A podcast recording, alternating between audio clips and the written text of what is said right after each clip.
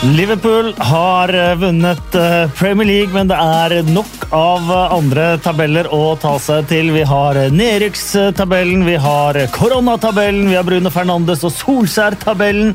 Vi har alle mulige slags tabeller, og vi kommer inn på de i løpet av denne podkasten. For hvem rykker ned? Hvem tar Champions League-plassene? Jamie Vardy har rundet 100 Premier League-mål. Manchester City har tapt flere kamper enn du skulle tro når man titter på det.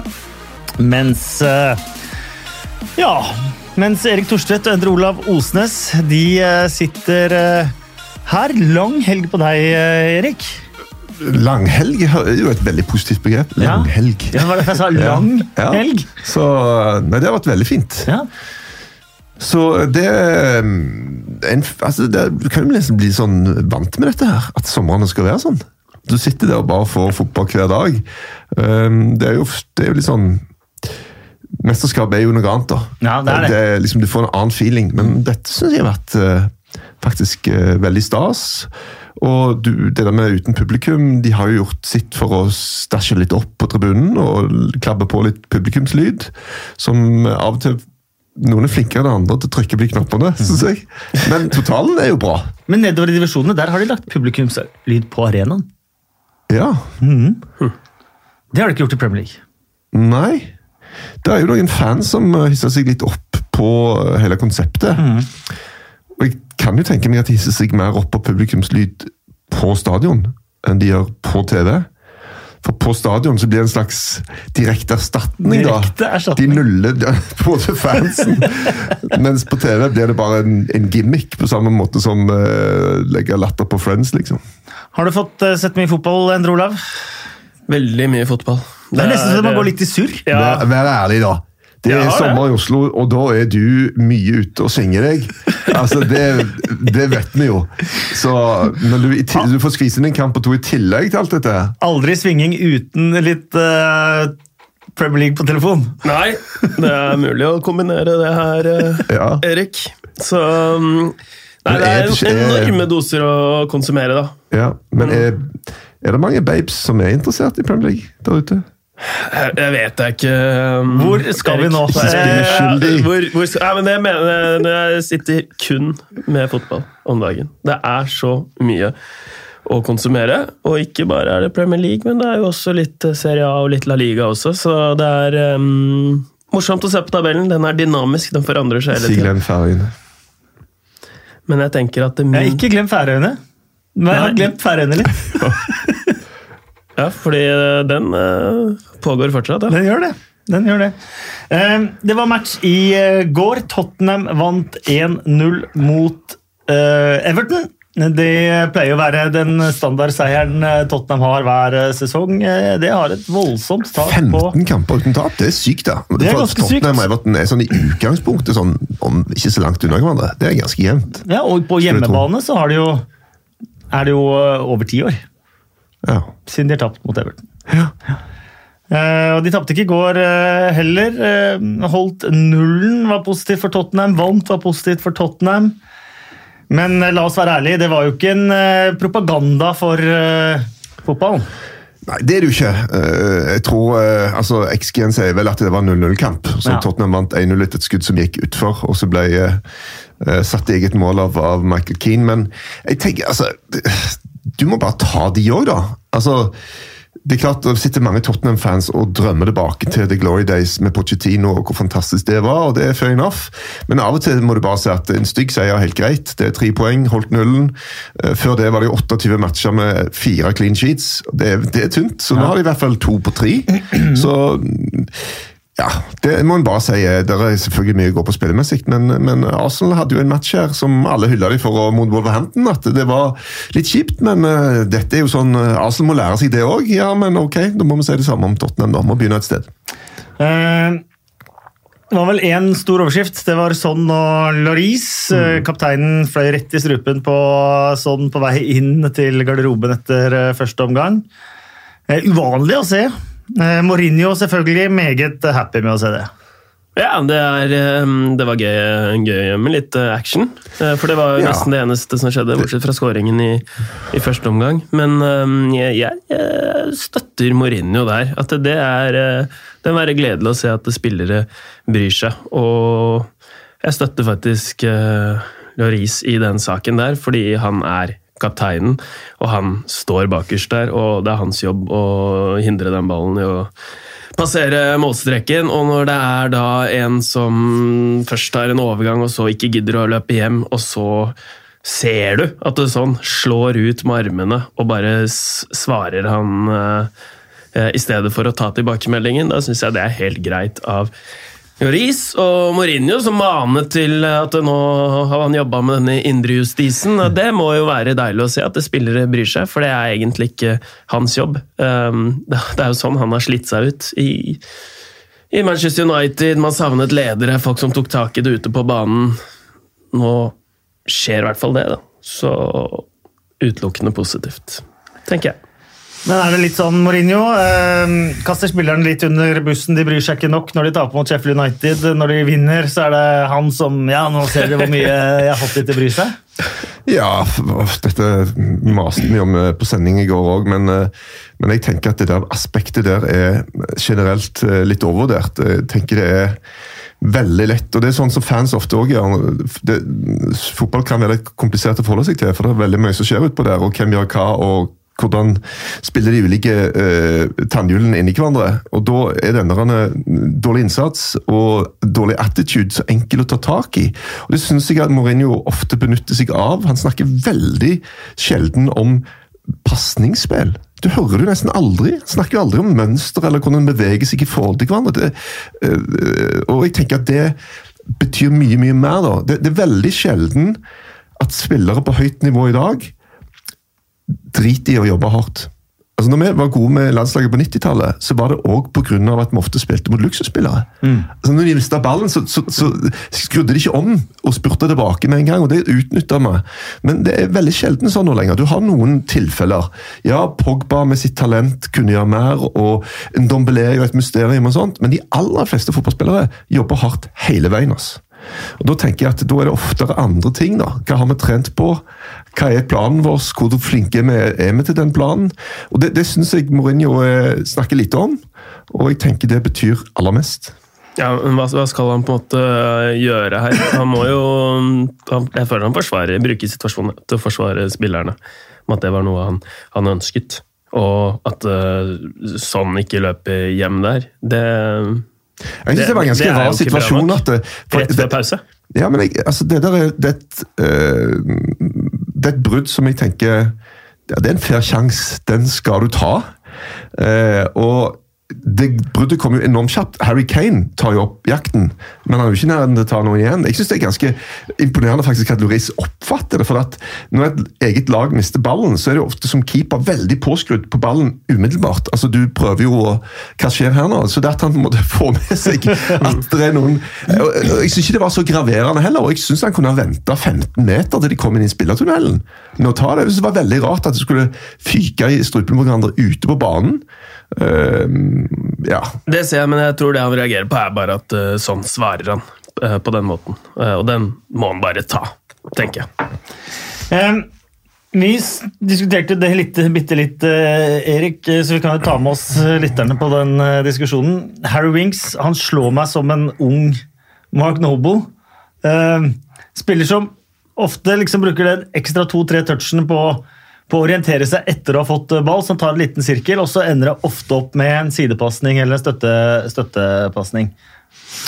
Ja, eh, jeg liker jo Harry Wings, da. Eh, han har hatt en del eh, stygge balltap som har kosta Tottenham. Men, men, jeg tenker at litt på hvordan du vil spille. Men hvis du, hvis du skal ha et pasningsspill der du transporterer ballen fra forsvaret til angrep via midtbanen Eh, så må du ha noen på midten som kan, faktisk kan gjøre det. Og Tottenham har ikke mange som kan gjøre det.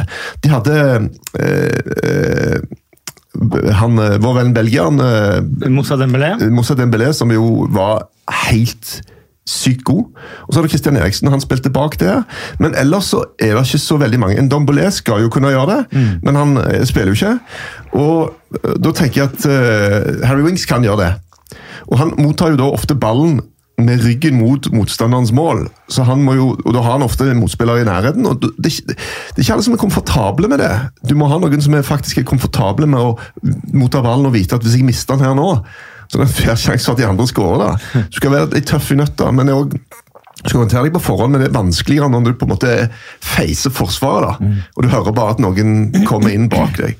Så mm, jeg, jeg syns han er ganske bra, jeg. Mm. Eh, og jeg tenker at han egentlig eh, i utgangspunktet er litt mer sånn Georginio. Jeg sier ikke at han er samme kvalitet, men han, Mark Noble er for meg litt mer sånn boks eh, Ønsker i hvert fall å være boks til boks. Han er litt mer som fyker litt mer rundt der. Mens Wings skal jo ligge der og være metronomen, egentlig, som bare fordeler og, og holder på. Og De prøvde sikkert på 4-3-3 i går med med Wings bak der og Sissoko og Lo Celso på sidene, men så bytta de jo rett før pause.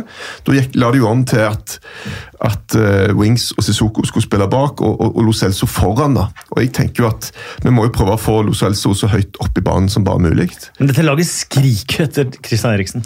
Jo, men Lo Celso kan jo være Christian Eriksen. Han kan det, ja. absolutt. Men, og det er vel det, det som vært tenkt også. Ja, men Da må han komme seg fram i banen, da. Mm. Vi, vi, ser jo at når han greide å komme seg, nærme seg motstanderen 16-meter med det frisparket de fikk, med skåringen og sånn, så kan det jo skje ting. Men, eh, men sånn som det var mot Sheffield United, så var det jo Han var altfor langt tilbake i banen. Og det er waste. Altså. Vi må snu oss til Sheffield United-kampen. Eh, også der Sheffield United slo Tottenham 3-1. Harry Kane hadde fire baller i nettet. Kun den siste ble eh, tellende. Eh, og vi hadde en syk, syk annullering. Eh, korrekt etter regelboka, men like sykt likevel. Ja, og det må jo Det er jo Ja, det, alle, har, ja, altså, alle er vel enige om ja, at det er det dummeste man har sett. På vei gjennom eh, og får sparket ballen opp i overarmen av eh, motstander John Egan på vei ned. Men han er borti hånda hans på vei, altså før han blir sparka òg. Er han det? Ja. Ok, Men uansett. Og så går han til Harry Kane som ja. skårer. Ja, uansett så blir han jo felt. Ja. Så. Og, og, så er det mange som lurer på det der er ikke hens, men forskjellen her er at det skal ikke være straffbar hens for å annullere de målene. Nei. Den skal bare være borti arm eller hånd, uansett måte. Så skal målet annulleres. Og det er jo Problemet var at man har designet uh, hens-regelen for at den skal passe til VAR, så at mm. det her skal bli svart-hvitt og vitenskap. Og så er ikke livet så enkelt, ikke fotballen heller, og så er det null rom da, for å være pragmatiske eller ha fotballforståelse. Ja, sånn og det er et stort problem, og det må, bør jo finnes ut av. Det er enormt mange av de situasjonene som alle altså Det er helt umulig å se. Hvis det mm. ikke for at de går ja, gjennom det på VAR. De har jo innført dette her eliteserien ja. nå, uten VAR. Mm. 1-0-målet eh, til Bodø-Glimt mot eh, Brann er soleklar borti armen til Sinkernagel mm. før Bodø-Glimt skårer. Og Gary Lineker var vel inne på dette. her, for Folk sier ja, det er ikke et VAR-problem, det er et regelproblem. Og så sier jo Gary Lineker at ja, eh, det kan man si, men VAR fremhever jo disse situasjonene som aldri ville blitt sett oppdaget av et uh, menneskelig øye. Ja, så men, men det er, er, det er regelen, en avveining, det. Er denne regelen, Kan den spores helt tilbake til denne kvalikmatchen mellom Frankrike og Irland? Når, den, når, men... når, Frankrike gikk til EM eller VM ja, ja. på bekostning av Irland. Veldig mange år siden nå, mm. men, men, da ble det jo en sånn greie med at hvis det er ei hånd involvert, så skal det på en måte annulleres. Det var jo straffbar hens. Ja. Det er vel Tottenham selv som har innført denne regelen, egentlig med Jorentes mål mot Manchester City i Champions League. Eh, forrige sesong. Det var vel mm. da denne regelen virkelig ja. kom opp til over, uh, overflaten, at den måtte man ha. Ja. Men jeg Det starter jo i serierunde nummer én. Ja. Der var det jo uh, et, mål fra et eller annet uh, vi ikke husker helt, men det var sånn uh, Jeg var ikke i nærheten av å kunne se at det var en hens, Nei. før de dypdykka noe så sykt i de der bildene. og Jeg tenker jeg får det vekk, tenker jeg. altså. Det, det er jo snakk om at de skal justere hvert fall regelen til, ja. til neste sesong. Eh, matchen var jo på mange måter Sander Berges eh, kanskje gjennombrudd da, i Premier League. Eh, I hvert fall kampen han satte seg på kartet med en flott scoring, en flott målgivende basning. Mm. Soleklar. Banens eh, mm. beste var jo sånn at eh, vi dro han jo fram før scoringen at oi, her ser Sander Berge virkelig påskrudd ut. Ja, øh, jeg sjekker det der greiene, for at du utropte han i første omgang til banens gigant.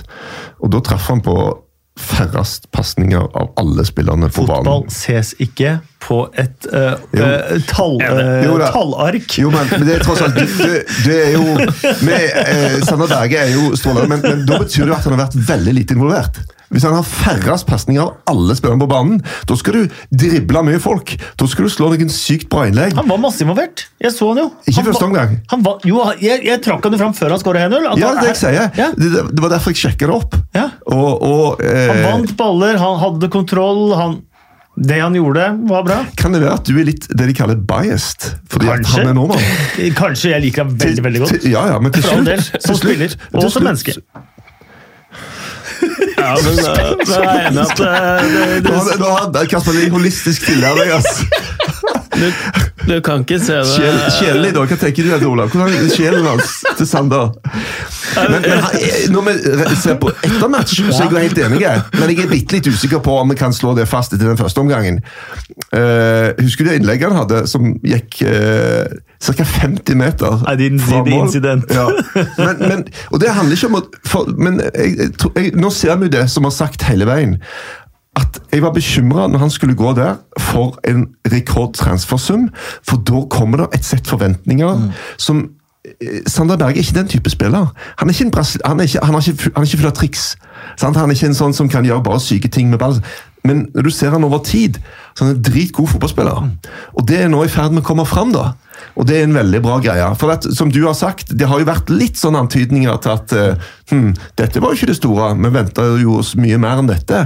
Men eh, etter en stund så kommer du til å se at vet du hva, det der er bra kjøp. Altså. Ja, og, er og Derfor trengte han mål om overlivende. Så er han på en måte blitt validert da, som en god Premier League-spiller. Og så slipper man kanskje det maset om eh, målpoeng og sånt, for han kommer, eh, han kommer til å gjøre mer målpoeng eh, mer og mer jo eldre han blir, tror jeg. Og I hvert fall i den rollen. Men eh, Ja, og Det er akkurat det, for det, synes jeg nesten er det mest spennende her.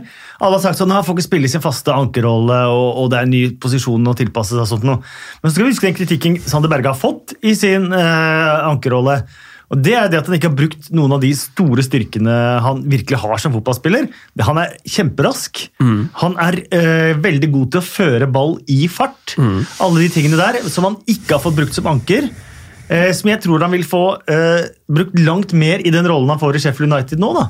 Så selv om han har brukt tid på å tilpasse seg en ny rolle, så tror jeg at sluttresultatet kan gjøre at Sander Berge blir enda bedre og enda mer dominerende. Helt enig, og så må vi ikke glemme hvordan Sheff, vi har snakket om Sheffield United. Det, er en grunn til at de har kommet opp og vært så bra, da, med masse championship-spillere. Det er jo fordi de, de spiller på en helt spesiell måte. Altså, du har jo sett eh, mer championship enn eh, de aller, aller fleste, men eh, når de kom opp i Premier League, da, vi så liksom de midtstopperne overlappe ned og slå innlegg, da, er det, da må plutselig noen holde igjen der. Og, altså, det er så mye mm. relasjoner, da, avstander i forhold til hverandre i det laget og hvordan man spiller, som er faktisk eh, Det er ikke bare å gå inn og gjøre det i en ny rolle.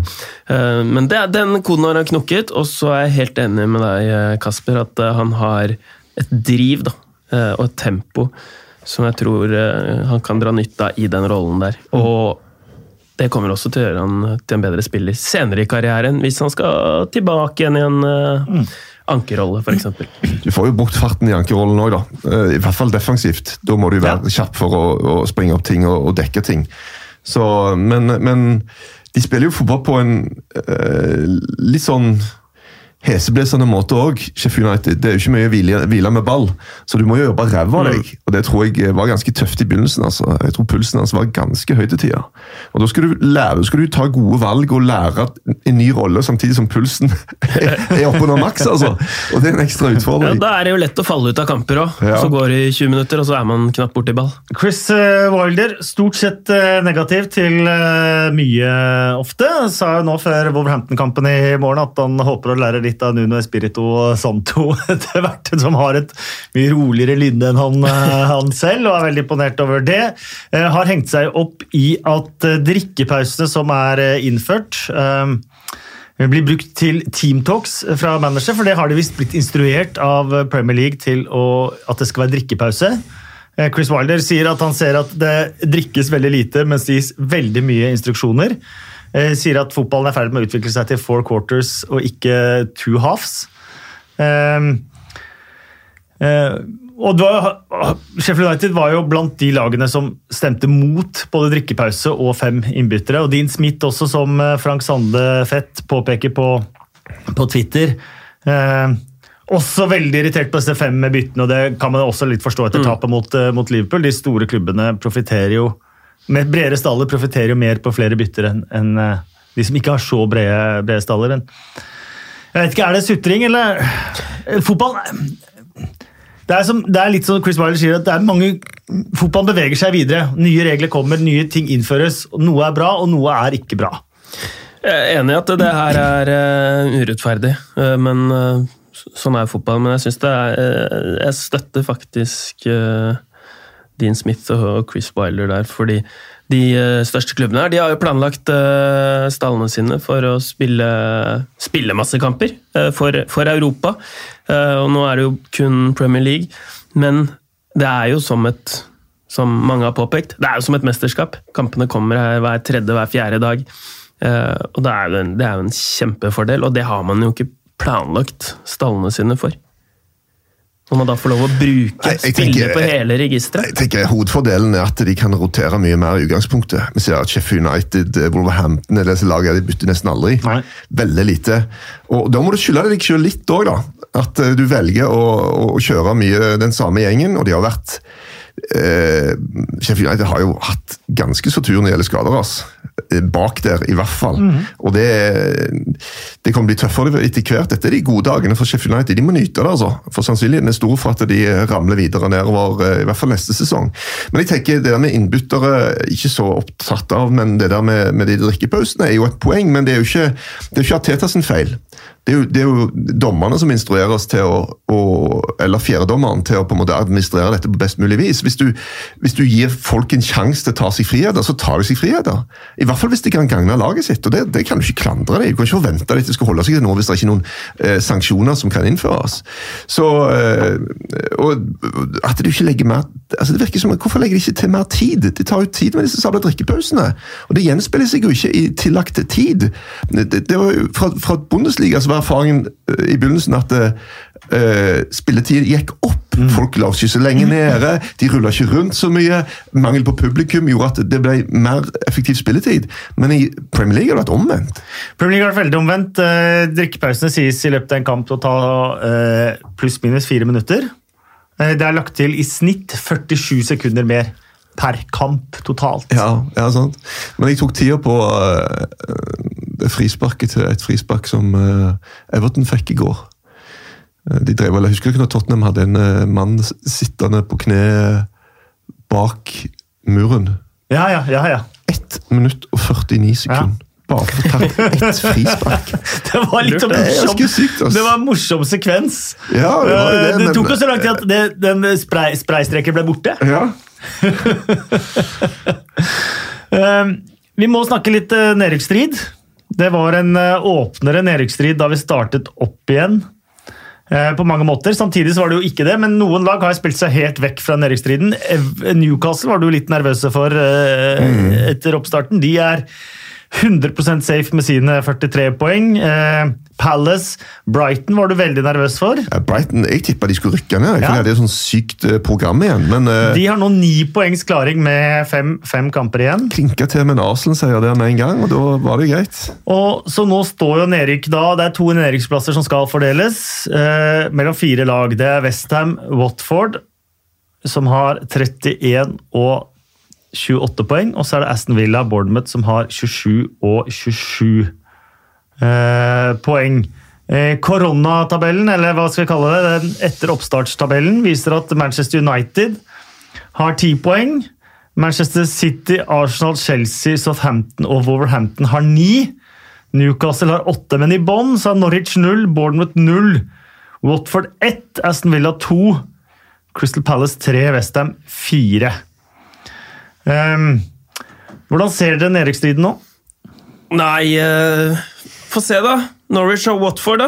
de kan ikke avskrive de eh, helt der. Det er i hvert fall poeng å spille om eh, her, eh, Kasper. 15 poeng å spille om. Ja, Men- Norwich er ikke vits å ta med Ja, denne, greit, greit. denne beregninga. De har sju poeng opp, og det er eh, fem kamper igjen å, å spille.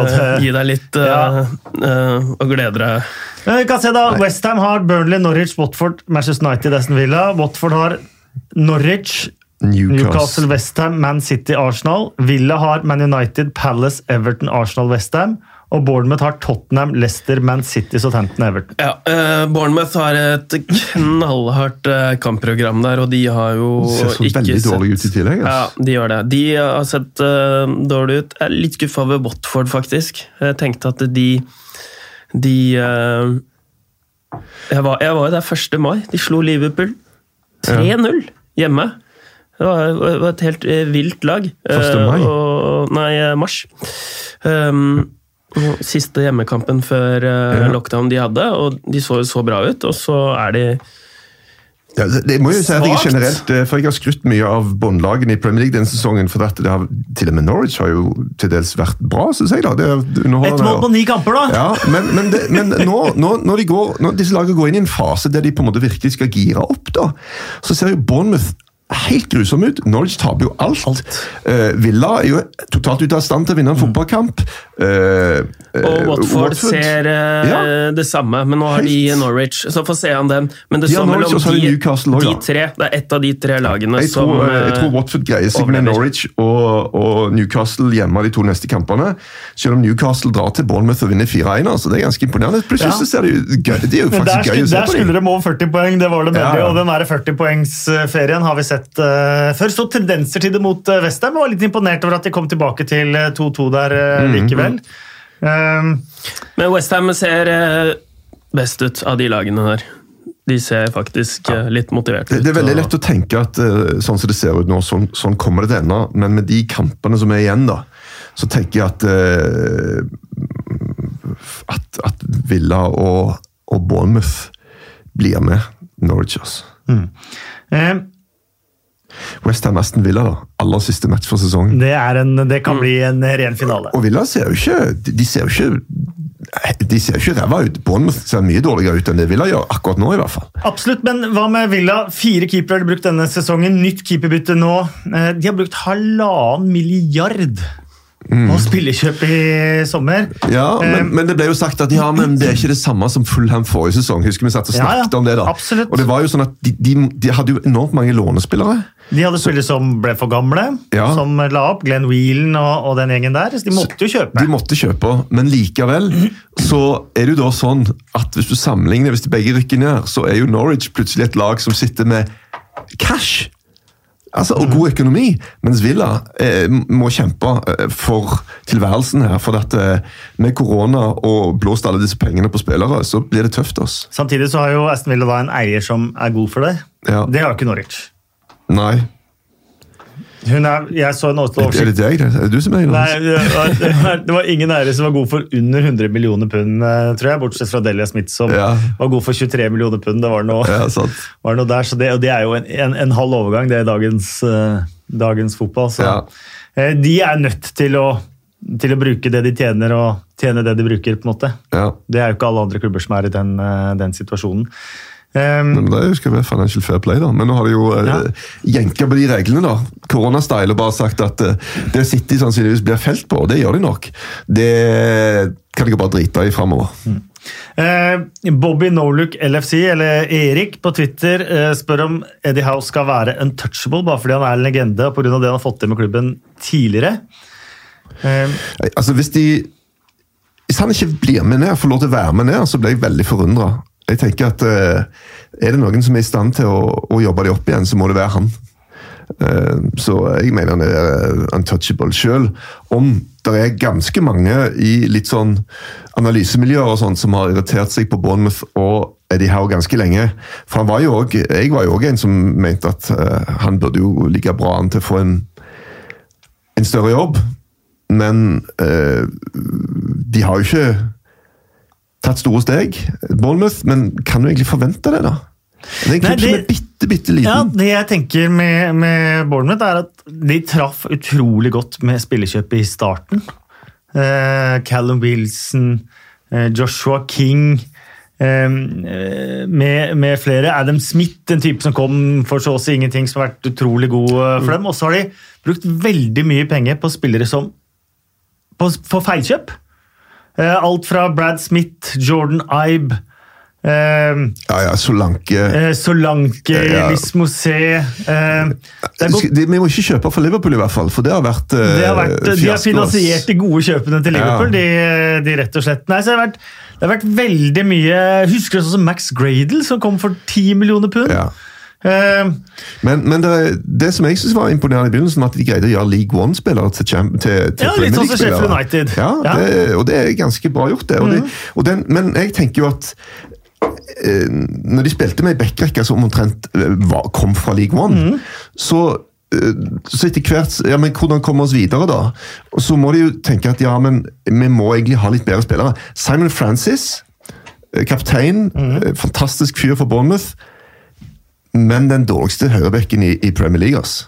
Å ja. Ja, Ja. altså det mener jeg. Altså Hvis du sammenligner kvaliteten på bekkene og tenker, ja, men han er, han, han, Det er jo DNA-en til Bournemouth. altså Han er en mann å stole på. altså Holdninger, bla, bla, bla. Men, men hvis du skal komme deg videre, så må du gjøre en oppgradering på kvaliteten. Men det, det har de mislykkes med. da. ja, og så er det mislykkes på keeperplassen, syns jeg. Eh, hvor de har hatt Boruc, Begovic og så har de endt opp med Aaron Ramsdale, Ja. som er kjempekeepertalent, men kanskje ikke den keeperen til å holde de oppe nå, da. Nei. Nei. Jeg tror han blir kanongod. Jeg så masse Ja. fra Wimbledon forrige sesong. Han mm. jo Wimbledon i League One alene oppe. Ja. Eh, Men det er et annet, annet dyr i Premier League. Ja, da, men Jeg syns ikke at du kan peke Jeg, jeg er mer litt sånn forundra over at uh, Nathan Akay, som jo blir eh, snakka veldig mye om og, Eller Nathan Ake, som han heter. Hæ? Eller Nathan Ake, som han heter. Ja, Nathan. Jeg Eh, måtte spørre han, jeg. Hæ? Å ja. Ja. Nathan. Nathan men, men altså, Som er jo en bra spiller, og en, virker som en veldig bra fyr på alle måter, men de slipper inn sykt mye mål. Og det kan ikke bare være alle andre sin feil, kanskje. Nei, det er sant. Eh, Tror du han spiller i Manchester United neste sesong? Apropos. Så litt sånn ut. Bare flørten hans med Solskjær. Ja. Ja, Solskjær bare ja, vi trenger en eh, venstrebeint stopper. Ja, jeg har alltid likt han. Jeg liker energien han har i spill og Jeg tror ikke han tar plass Hele i det. Han og Maguire? Jeg tror ikke det. Ikke bedre enn Lindløv? Nei. Nei. Um, det blir i hvert fall spennende med, med Bournemouth. For Westham Det er mange klubber her hvor det er Vi snakker om at Aston Villa har brukt halvannen milliard. Westham med London Stadium allerede hatt nok av tribunebråk. Eh, eller tribunebråk, sier jeg. Eh, misnøye på tribunene med eiere. London Stadium med 35 000, 28 000 i snitt der, i championship. Ja, det ser tomt ut. Fullstendig krise for en klubb som Westham å rykke ned nå. Jeg syns eh, faktisk Jeg har sagt det før, men eh, det er jo ikke en populær ting å si. Men jeg, jeg syns faktisk synd på eieren til Westham. For eh, de er jo obviously eh, fans og sånne ting. I hvert fall en av de som jo er vokst opp i, i gata der på, på gamle stadion. Men, men de er jo litt De er jo clueless, og det har kosta de så sykt mye penger. Altså, De har, de har skyldt så mye penger ned i dass på den klubben der. Og de, får jo, de blir jo angrepet som takk. Eh, og det, det er liksom selve symbolet på eh, mange det, var, de- det være klubbeier er oppskrytt. Altså. Mange, av de, mange mener at de har også revet sjela til klubben. Hu- 100 års historie med, Ja, med flyttinga. med, med flyttinga, ja, men noe måtte jo gjøres. Det- det Og de- sitter jo dypere enn- Og de har jo fått en syk deal på denne stadion. Og det å gå og se Westham spille koster jo halvparten av det det koster å gå og se Arsenal og Tottenham spille. Men å se fotball på London Stadium Jeg har uh, sett en del fotball på London Stadium, og jeg har sett baseball på London Stadium, for jeg var på mm, var? Red Sox mot Yankees i fjor sommer. Var det er en arena Ja. som egner seg ekstremt mye bedre for baseball Ja. enn for fotball. Uh, trist nok. Det er friidrettsstadion. ja. Altså, Tottenham var jo en kjempefight for å Late Norient, da. Ja, for å ta Og Tottenham ville jo rive hele greia. De ville kjøpe, eller overta leaset, da, leasing, eh, leien, og så vil de rive alt. Eh, Fordi at de følte at vi vil ha infrastrukturen, vi vil ha tomta, men vi vil ikke ha denne stadion. Nei. Det hørtes ut som en eh, bedre idé enn det Westham har. Jo da, Og så ligger det ikke på rett plass heller, da. Det har jo noe med saken å Ja. gjøre. Nei, det ligger jo Laton Norient-land. Ja. Det er de som mener at de sånn geografisk har, Mm. har rett på den. Eh, Nå blir det mye digresjoner her også, men det, Harry Kane, da.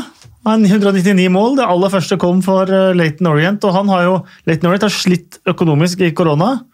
Uh, Harry Kane gikk inn, han. Med masse penger i Leighton Orient og liten draktereklame der. og, og, og virkelig har bidratt uh, nedover i, i koronabrekket. Det skal Harry Kane ha full dette- honnør for. Det, det, det, den gamle infrastrukturen i engelsk fotball er råtten, altså. det den er er helt krise det er det. Vi Hva, eh, hva mener du det med det? Nei, det er så utrolig mange klubber som bare er helt med ryggen mot veggen. Altså de, før så fikk du en jevn strøm av, av, av penger fra at spillerne ble kjøpt. Av, spiller, av, av la- lagene i øverste divisjon.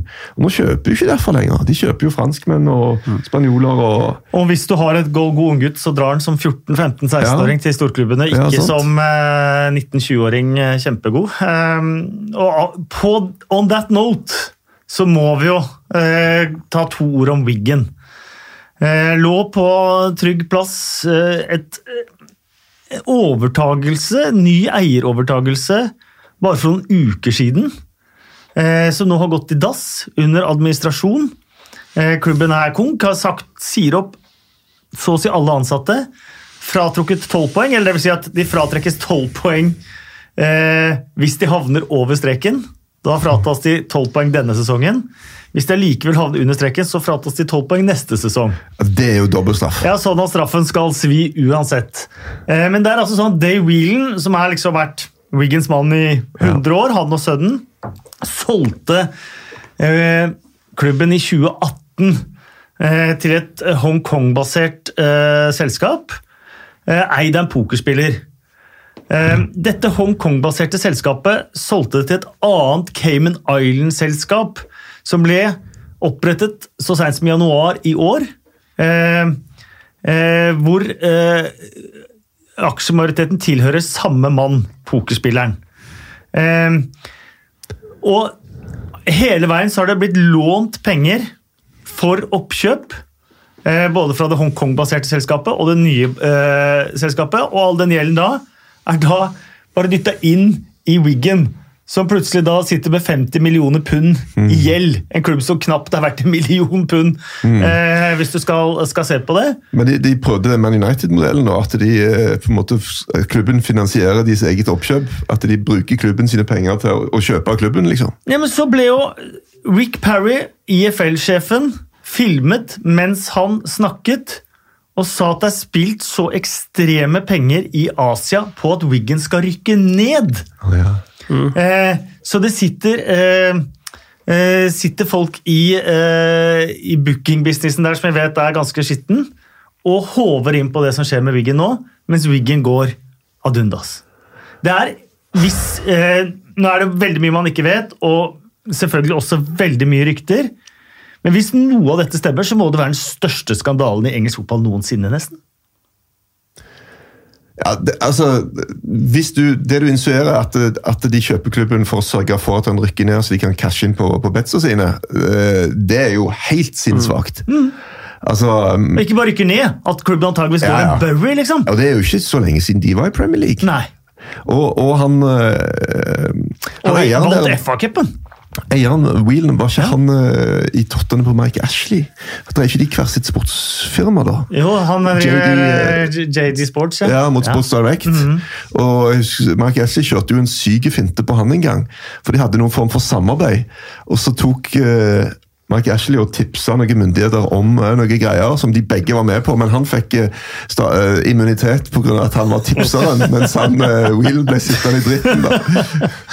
Ja, det er, eh, det er fryktelig, sånn apropos mye av det som skjer nedover i, i divisjonssystemet Ja, i, i England. og Det er, det er sjela til engelsk fotball. og Det er også det som gjør at en klubb som Bournemouth plutselig spiller i, i Premier League. Det er den drømmen. Enhver Ja. klubb ned der, Hvis du ser på klubber som spiller League 2 og League 1, så finnes det klubber som er langt langt større enn f.eks. Bournemouth. Nedi der, Og alle bærer på den samme drømmen om å, å komme opp og, og, og, og fram. Og, og dette er jo det er jo puls og hovedpulsåren som pumper gjennom engelsk fotball, er jo, er jo alt det som skjer under. Ja, ja. Premier League. Så Og det, det er jo betyr masse fryktelig, for, for så mange lokalmiljø. da. Ok, De, ikke, mm. de, får, de vinner jo ikke noe greier, eller, men, men de, de er et samlingspunkt og identitet for et lokalsamfunn. Mm. sant? Og det Husker du ikke når, når eh, flomlysene plutselig begynte å gå i engelsk fotball for noen år siden? Nei. Plutselig gikk flomlyset midt under kamp. Og så var det jo noen som drev og sprengte sikringsboksen, da. For at, eh, Ja, Var det Blackpool, eller? ja, I Asia var det sånn at eh, resultatet Hvis kampen ble avbrutt, så var det resultatet som når, du, når kampen ble avbrutt, som gjaldt. da. Så de søkte for oss å uh, få stoppa matchen, og jeg tror til og med det var på en Westham-kamp. Yes. Ja. Så ja, denne gamblinga den er roten til mye vondt. ass. Den er det. den er det. Eh, gjøre ferdig nedrykksstriden. Du sa Villa Bournemouth, sa du det? Sammen, ned sammen med Norwich? Mm. Du også Ja, med mindre. Watford eh, klarer å ryke mot Norwich i dag, da tror jeg mye av Da blir det tungt, men det tror jeg ikke de gjør. Så jeg, jeg støtter Thorstvedt på den. Bournemouth og Villa de klarer ikke å grave fram de poenga de trenger. Men eh, ja, og Bournemouth sitt kampprogram er, det er, det er så hardt. Norwich sitter jo mye i dritten rett og slett pga. det motsatte oppgjøret mot Watford. På den tida så var jo Watford nesten fortapt. De Mm. hadde null seire. Eh, og så eh, skulle Bundia dra luke som bakerste mann Stemmer i åpningsminuttet der, og så fikk Watford sin første seier. Og etter det så har Norwich bare vært Ja. Uff, ja ja, vi trenger ikke rippe opp i eh, vonde ting. Mange tweets eh, fra folk om Firmino.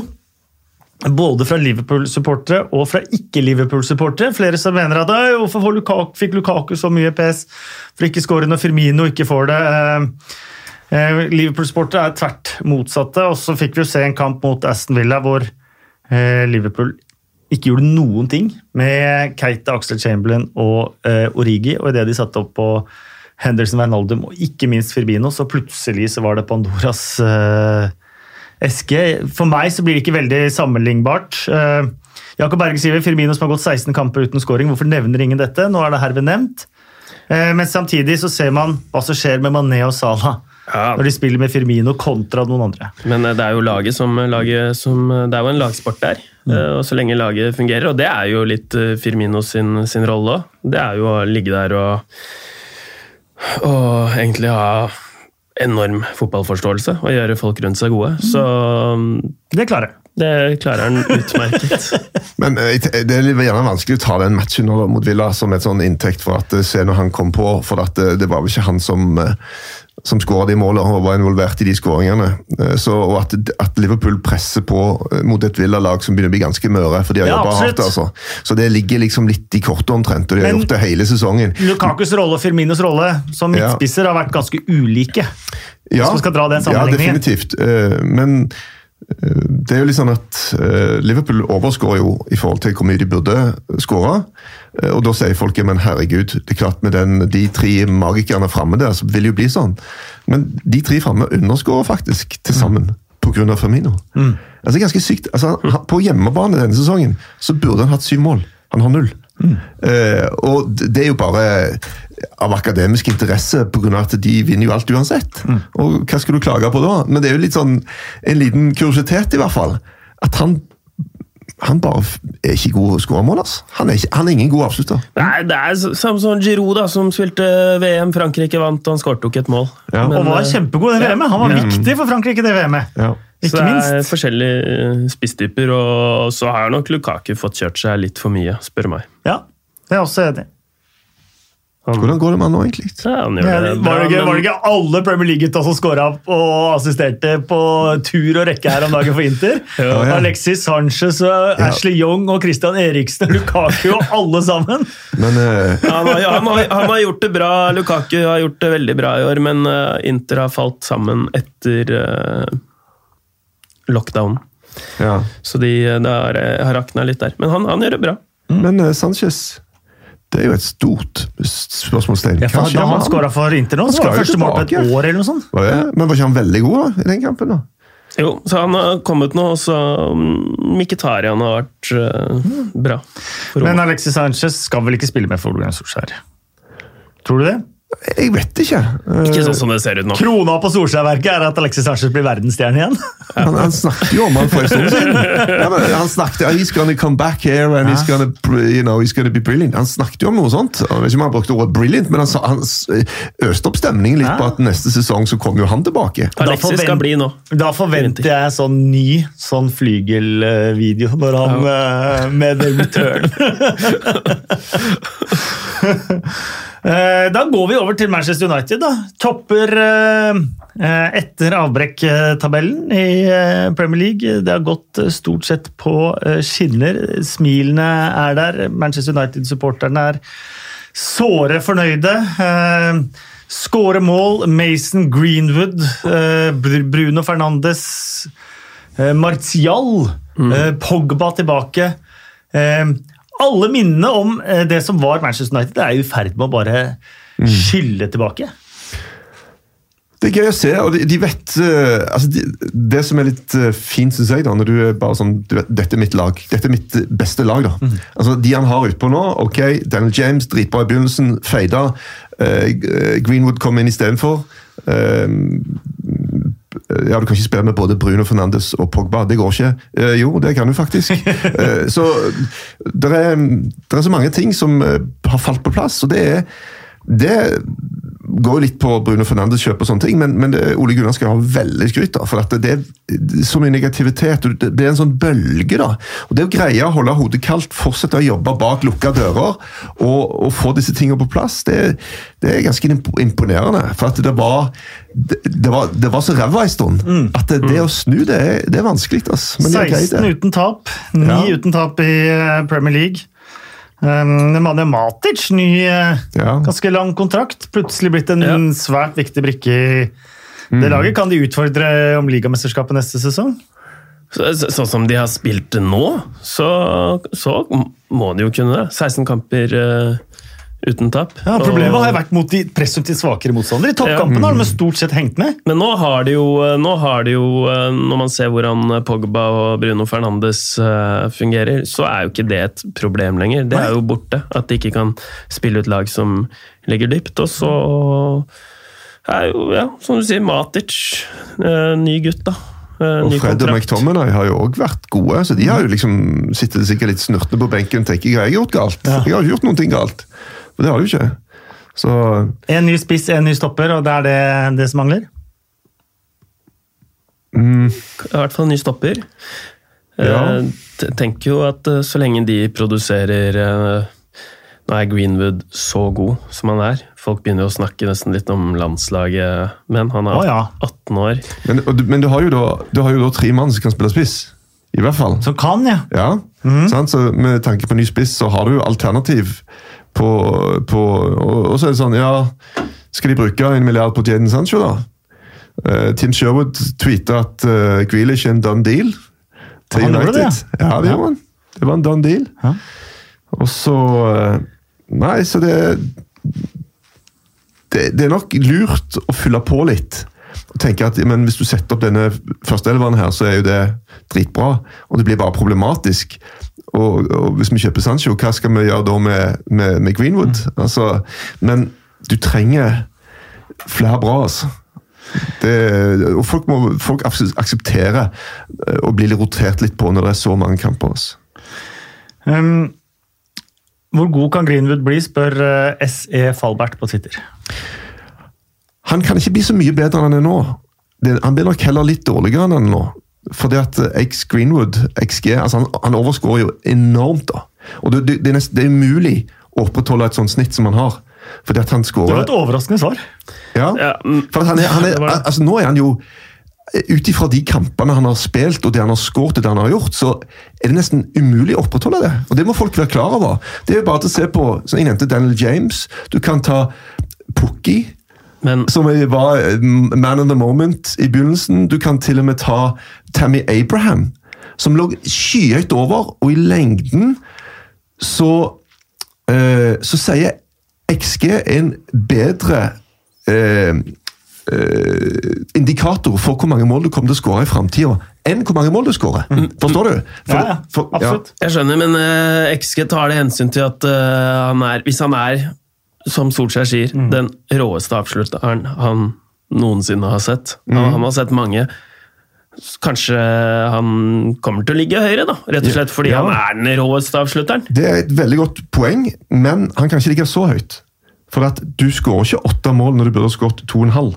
Altså, det greier du ikke å opprettholde. Men. Aguero har jo hele veien ligget langt over. Nei, det er ikke sant. ikke det? Nei. Nei? Du kan gå inn og se. Det, det, det er faktisk mye mindre enn det vi tror at de overskårer. Det som er det viktigste for en spiss, er ikke å overskåre sin XG med enormt mye, det er å ha en høy XG. Ja.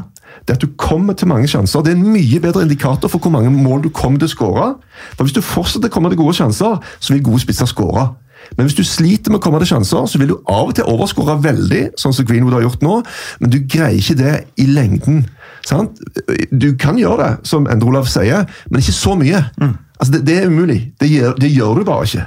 Men så er han 18 år, da, så han kommer til å, bli, kommer til å komme i de situasjonene. Altså, han, han blir jo ikke dårligere. Nei, men han, han kommer sannsynligvis ikke til å ha den samme uttellingen, for at den har vært eksepsjonell. Men det som er litt fint, er at han, han skaper jo en del av disse situasjonene sjøl. For når han mottar ballen, sånn som det andre målet hans mot uh, Bond sist så Når han mottar ballen, så er det jo ikke i utgangspunktet farlig. Og det, det er så li han bare, Måten han drar seg til sida på, da eh, og, og da er jo XG-en akkurat i avslutningsøyeblikket, men når han mottar ballen, så er jo den XG-en sånn i utgangspunktet mye lavere. da. For at det er ikke farlig. Altså, det er, han, han skaper alt sjøl, da. Eh, og når du har denne denne enorme bra tilslaget med begge bein, så kommer han til å skåre veldig mye mål. Men ingen må tro at han kan fortsette å skåre på den måten, for det gjør han ikke. Ikke gjennom hele, hele karrieren, i hvert fall. Det går ikke. Um, Hannis mener vi burde prate om Danny Ings. Eh, Johan Sjøbakk eh, Lund skriver også på Twitter 25. oktober Southampton taper 0-9 hjemme mot Leicester. 5. juli Southampton med tre seire på fire post korona fornyet Premier League-kontrakt med 1-0 mot Manchester City. Applaus til styret, supportere og Ralf Hasenhyttel, som har stått samlet etter bunnpunktet hjemme mot eh, Leicester. Samtidig så skal vi også ta med Manchester City. Dette her, jeg måtte titte på det. det er, dette er overraskende. Manchester City har tapt ni ligakamper denne sesongen. Flere enn Manchester United, flere enn Wolverhampton, flere tap enn Arsenal! Og like mange tap som Sheffield United. Det kom som sjokk på meg. Ja, Den har jeg fulgt en stund, altså, for dette det er jo ikke, altså, det er mye mye mer enn Pep Guardiola noen gang har, vært, har tapt i en Jeg visste jo ligasesong. at de har tapt en del, men at de har tapt flere enn Arsenal, f.eks. de, de, de har tapt tre bortekamper på rad. Tre, tre siste de røker. Så, og det, Den matchen mot Southampton var jo bare en eh, minste eh, felles multiplum av absolutt alt. Det var en, eh, en, en kjerne av, av Citys sesong. Opp på to ganger 45. Nå sitter jo ikke jeg på den talerekka, men de må jo ha hatt en del uflaks òg. Og i den kampen der så var jo McCarthy og Forsvaret De hadde jo 26 avslutninger, hadde de. Ja. Uh, og mange av de Jeg tror det var seks redninger. Stenger og redninger og redning på strek Ja, så, så det var jo helt uh, vilt, men jeg liker Southampton. Og Bernardo Silva sa etter kampen at de, de, de pressa høyt. Uh, og de, de spilte på en annen måte enn andre lag, så så all honnør til dem. Og det er jo, han, er, han er jo liksom eh, Østerrikets eh, Klopp, da. Hasenhotter. Ja, Alpeklapp. Ja, Alp Alpenes klapp bare. Eh, Så de spiller jo på en Han er en bra manager, faktisk. Ja, det er det, men de var ikke mye høyt press i andre omgang. Altså. Nei. Der var det bare snakk om å stå og ta imot. Men de sa jo de hadde planlagt å score på den måten Che Adams skåra på. da, At de skulle ta Ederson på, på distanse der. Ja, det er jo, men det ser du jo City Nå driver jo City og prøver på noe nytt. Eh, Nå driver de bare og øver på frispill. Eh, Nå var det jo helt ekstremt med Ederson når han skulle komme ut, og det var jo villere enn noen gang. Så det her er jo noe de prøver på, så blir de straffa for det. Og moro med Chadams, da. Moro med Ja, ja. Che Adams eh, for en målskårer i eh, championship, og så har det liksom bare ikke fungert i Premier League i det hele tatt. Så det blir litt sånn spisser at jeg tror det har satt seg veldig på innsiden av eh, Og det, det var jo litt spekulert, og jeg nevnte det før kampen også, om at grunnen til at han spiller her, er at han skal i utstillingsvinduet. Ja. For at eh, Han er et bomkjøp ferdig med den saken. Han starter Han trenger jo ikke være et bomkjøp. Danny Ing satt jo på benken i begynnelsen Ja, ja. av sesongen. Det var han som var førstevalget. Så eh, jeg vet ikke om dette betyr at det løsner litt, eller om de tenker at uh, nei, vi kan få noe annet og bedre, men uh, i hvert fall så var det sabla gøy for han. For at det, det å, å få en Premier League-karriere som spiss, og så blir du sendt videre uten å ha skåret ett mål, den bærer du med deg resten av livet. Ja. Men nå har han i hvert fall denne, så Nå- den skal ingen ta fra. Den skal ingen ta fra og Matchvinnerskåring var det òg. Eh, Toppskårerlista er Jamie Vardy 21, Aubameyang 19, Ings 18, Salah 17. Og med flest spillemål så er det Aubameyang og Ings med 18. De er flest i Premier League. Ja, Um, Det er et viktig poeng. Og Ings er vel kanskje den uh, spiss-backupen Liverpool uh, kunne tenkt seg.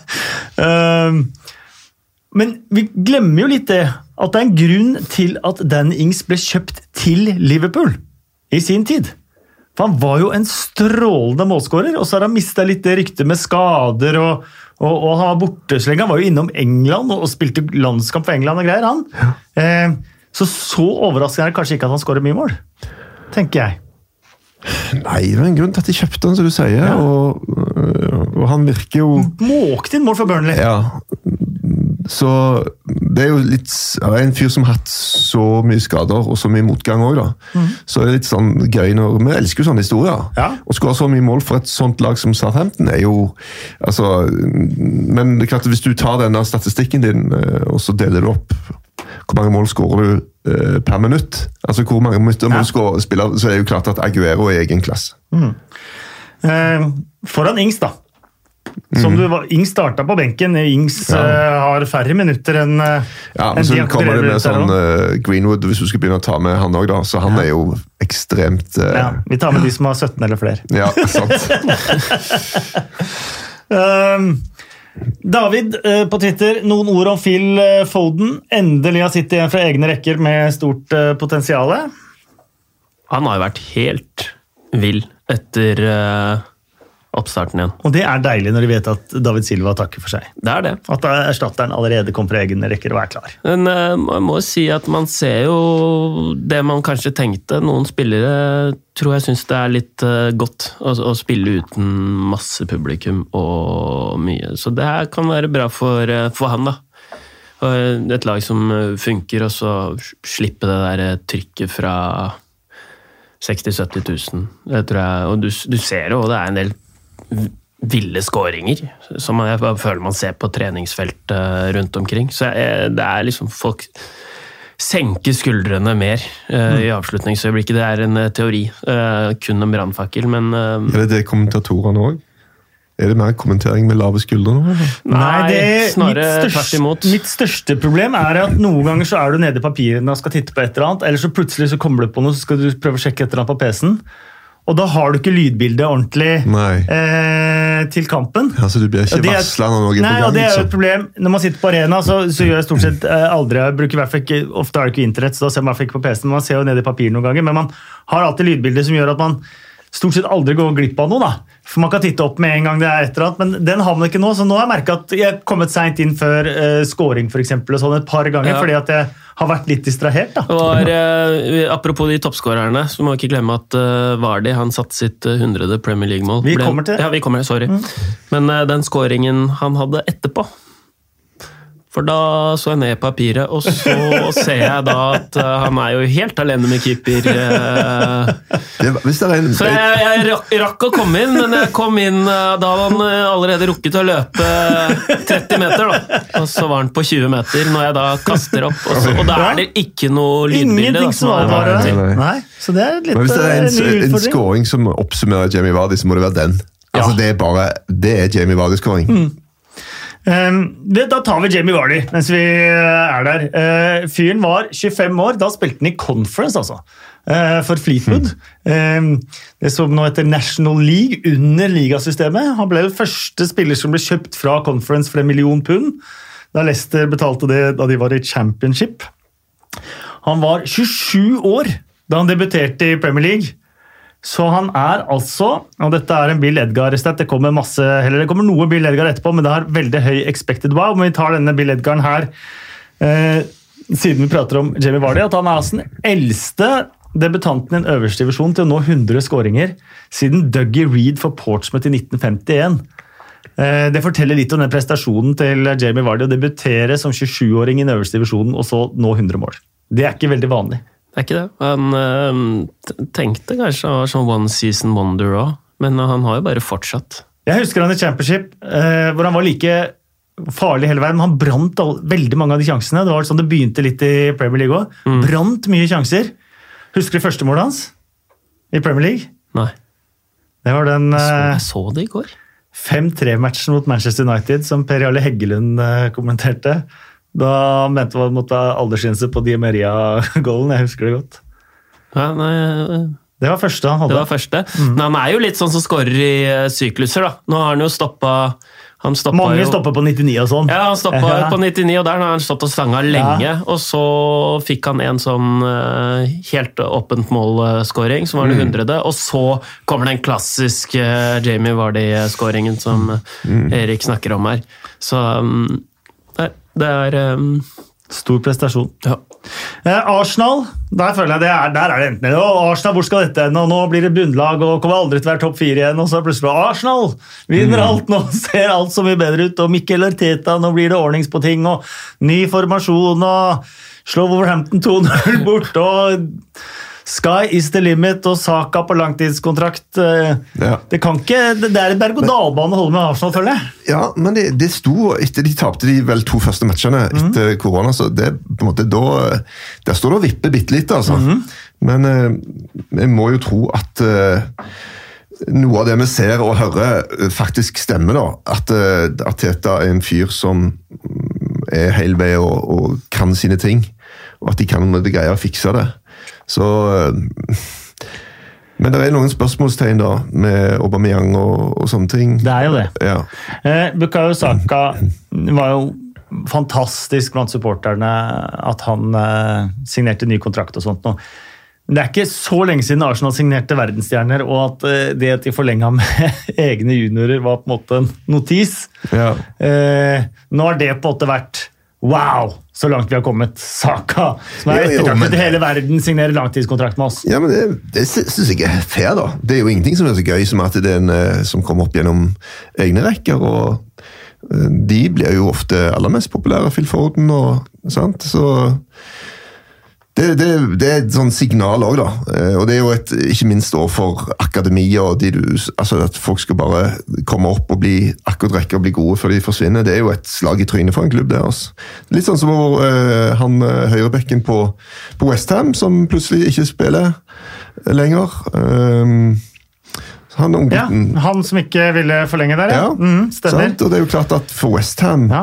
å få fram han og så bare se at Oi, da var han vekke, gitt. Blir ikke med å fullføre sesongen engang. Det, det er jo ikke bra for de, som jobber nedover i, i aldersgruppene heller. Og Saka med sitt første Premier League-mål bare for å feire kontrakten. Påfallende ofte hvor sånne ting skjer. Ja, det vet du. At det bare er flyt, liksom. Ja. Så du tenker at eh, Men når de har mye penger, så spiller de bedre? Arsenal sa ikke bare, ikke bare et mål heller, men det var en bra scoring også.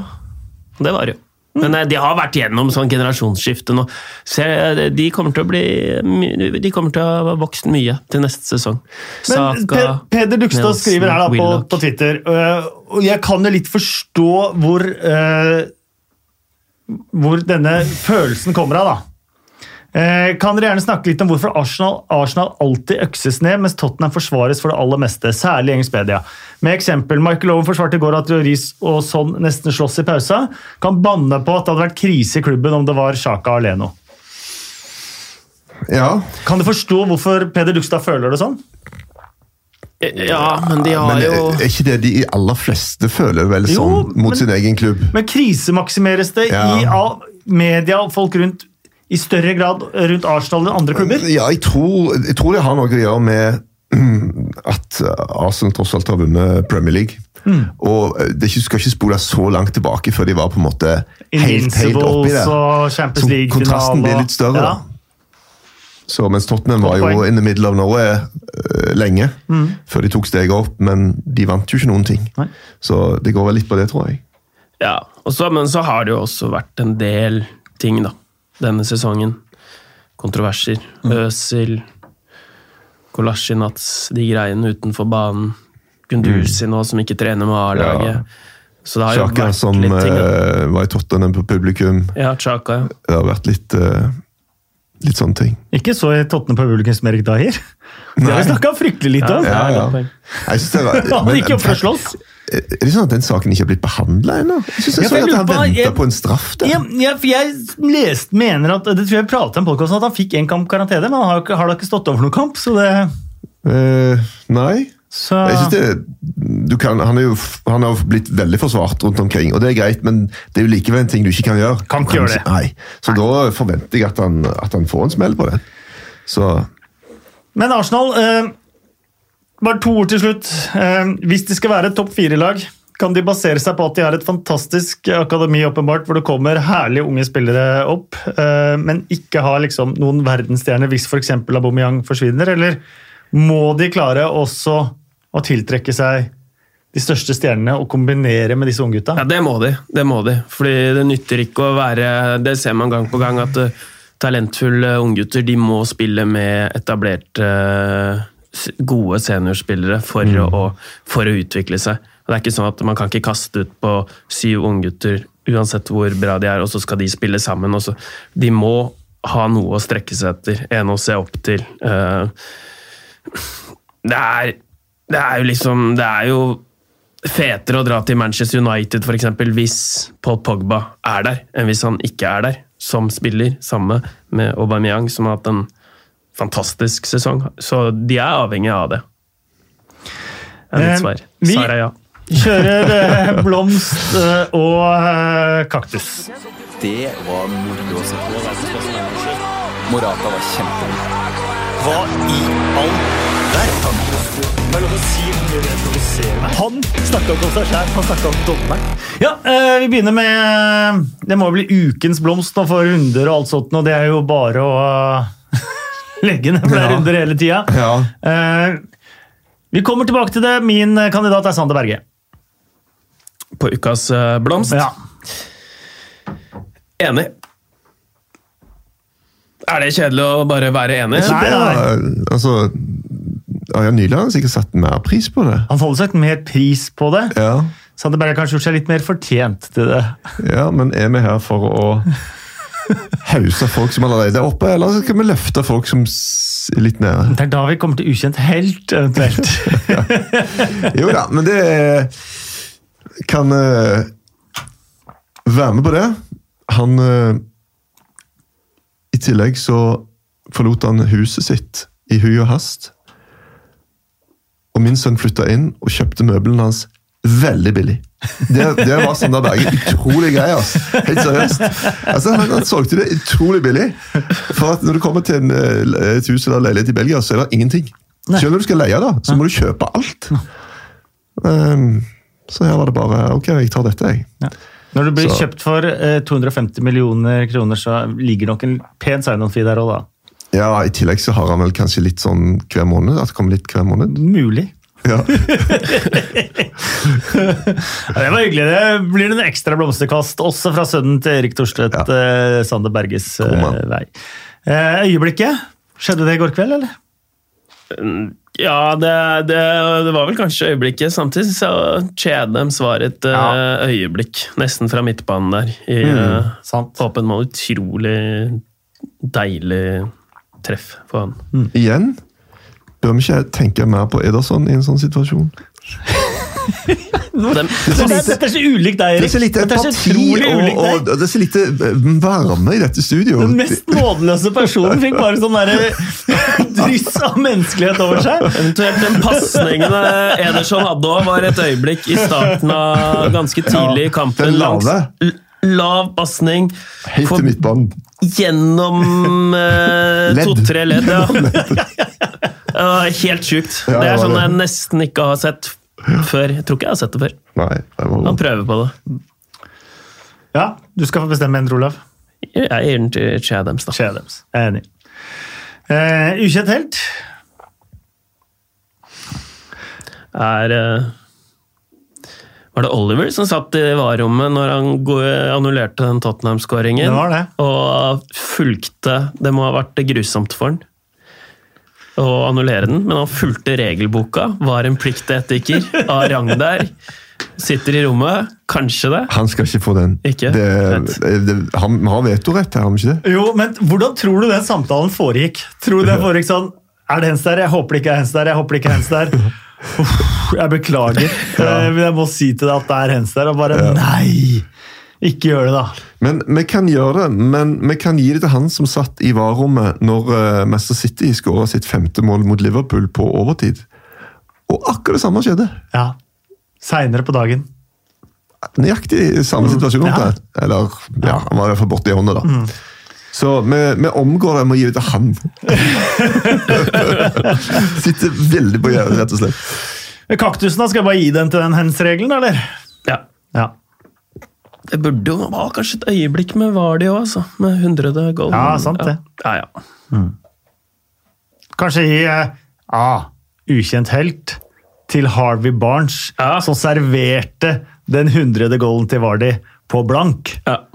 Så han ble kvitt den. Ja. Tenk 99 og tenk på det, og tre måneder til med måltørke. Hvem var det du skulle gi han til? Harvey Barnes. Ja, med, med Sako, da. Hæ? Han som uh, Sako, skulle kjøre som der og sklei. Det var, Ja! det var han som ga han til Harvey Det er Barnes. sant. Nei, jeg var på Saka, jeg, siden vi diskuterte Ja. det. Ja, sant. Sako og Harvey Barnes kan dele, ja. Ja. Ja. Ja. Er ikke dum, den. Nei, det er ikke dum. De to ukjente helter serverte uh, Jamie Vardy. Eh, Bill Edgar. Arsenals syv siste. Aldri skjedd! Første gang siden er den sjette spilleren. Fun factsene til Bill Edgar. Bill Edgar, statistikkmannen i eh, The Times, eh, som kommer med sine statistiske artige betraktninger i bilaget The Game eh, i avisa hver mandag. Vi siterer de her. Og Erik, høy expected wow her nå. Right. Men det krever at du henger med. Arsenal eh, sin rekordseier kom mot Grimsby i 1931. Da vant de 9-1. Om man eh, summerer målskårernes eh, draktnumre i den 9-1-seieren eh, Nummer åtte David Jack, Jack med fire mål. Ble altså åtte ganger fire, ble 32 til sammen. Nummer ni Jack Lambert med tre mål, eh, 27. Og nummer 11 Cliff Bastin og nummer sju Joe Hulme med hvert sitt mål. Eh, hvis man summerer de draktnummerne da, så blir det nummer 77. Og nummer 77, Bukayo Sako, skåret sitt første ligamål. Saka. Saka eh, skåret sitt første ligamål i eh, helga. Og ble også med det tidenes høyeste draktnummer til å skåre i den øverste divisjonen i England. Impressive stuff. Altså, her er det bare til å uh, Altså Du ble bare målløs. Skal vi gi en high five til Manchester United, som eh, før møtet med Bournemouth lå på femteplass på tabellen. De skåret fem mål i den femte kampen etter oppstarten i en av fem kamper som ble spilt i Premier League på lørdag. Med seieren kom de opp på 55 poeng med fem kamper igjen å spille. Det var også Bournemouths femte tap på rad, og de står i fare for å rykke ned etter fem sesonger i Premier League. Kampen ble blåst av nøyaktig fem på fem engelsk tid. Den er uh... High five!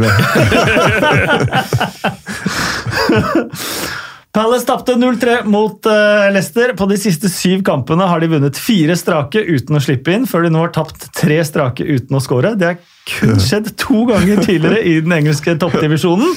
Arsenal i 1972 og Southampton i 2001. Og det er vel en fair sjanse for at det skjer i kamp nummer fire, er det ikke det? da? Men nå skal de vel ha uh, Chelsea, da. Ja, Uh, til slutt Westham. Watford er jo i London-området. Ja. Og Westham har ikke vunnet nord for Watford på 19 måneder. Nei? Jo! Wow. Det er sånne syke ting. Jeg fant jo òg ut at det liksom Jeg, tror jeg nevnte det. noen gang. På de siste 28 sesongene i øverste divisjon eh, så har Westham hatt positiv målforskjell. Hva sa du nå? En gang på de 28 siste sesongene i øverste divisjon har. Westham hatt positiv målforskjell, og det var i 15-16 med Bilic. Sjukt. Sjukt. Sjukt. Eh, Fem kjappe spørsmål. Eh, Det blir fire kjappe spørsmål, pluss at vi da skal tippe HUB på de kampene som spilles eh, i kveld. Eh, Hvem rykker ned sammen med Norwich? Bournemouth Aston Villa. Ja. Hvem tar tredje til femteplass? Det blir uh, Den er tøff. Det blir eh, Man United på tredje, det blir Chelsea på fjerde, og det blir Leicester på femte. Ja, Det er bare Concur. Støtter den, ja, faktisk. Eh, Det blir veldig mye bare å er José Mourinho Tottenham-manager når vi sitter her neste sommer? Ja. Altså neste sommer Eh, Nei. Hvem blir toppskårer i Premier League? Det blir Vardi. Nei, det blir ikke Vardi, vet du. Det blir uh, Aubameyang. Da sier jeg Vardi. Tre kamper spilles eh, i eh, kveld. Alle vises på TV2 Sport Premium og Sumo, selvfølgelig. Premium. Tenker på premium. Heter det premium eller premium? Jeg tror det het premium. Ja, Jeg TV2 Sport Premium? Ja. Premium. og Sumo. Sumo. Zebra. HUB, Crystal Palace, Chelsea.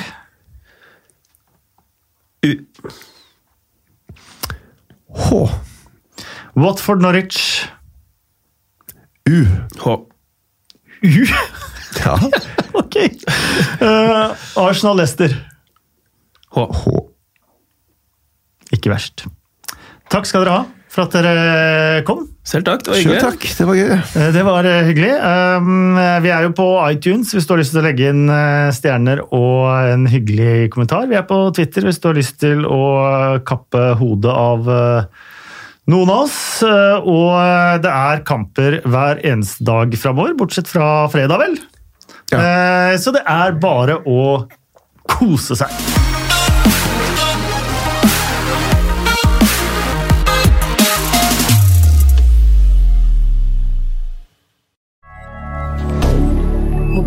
Moderne media.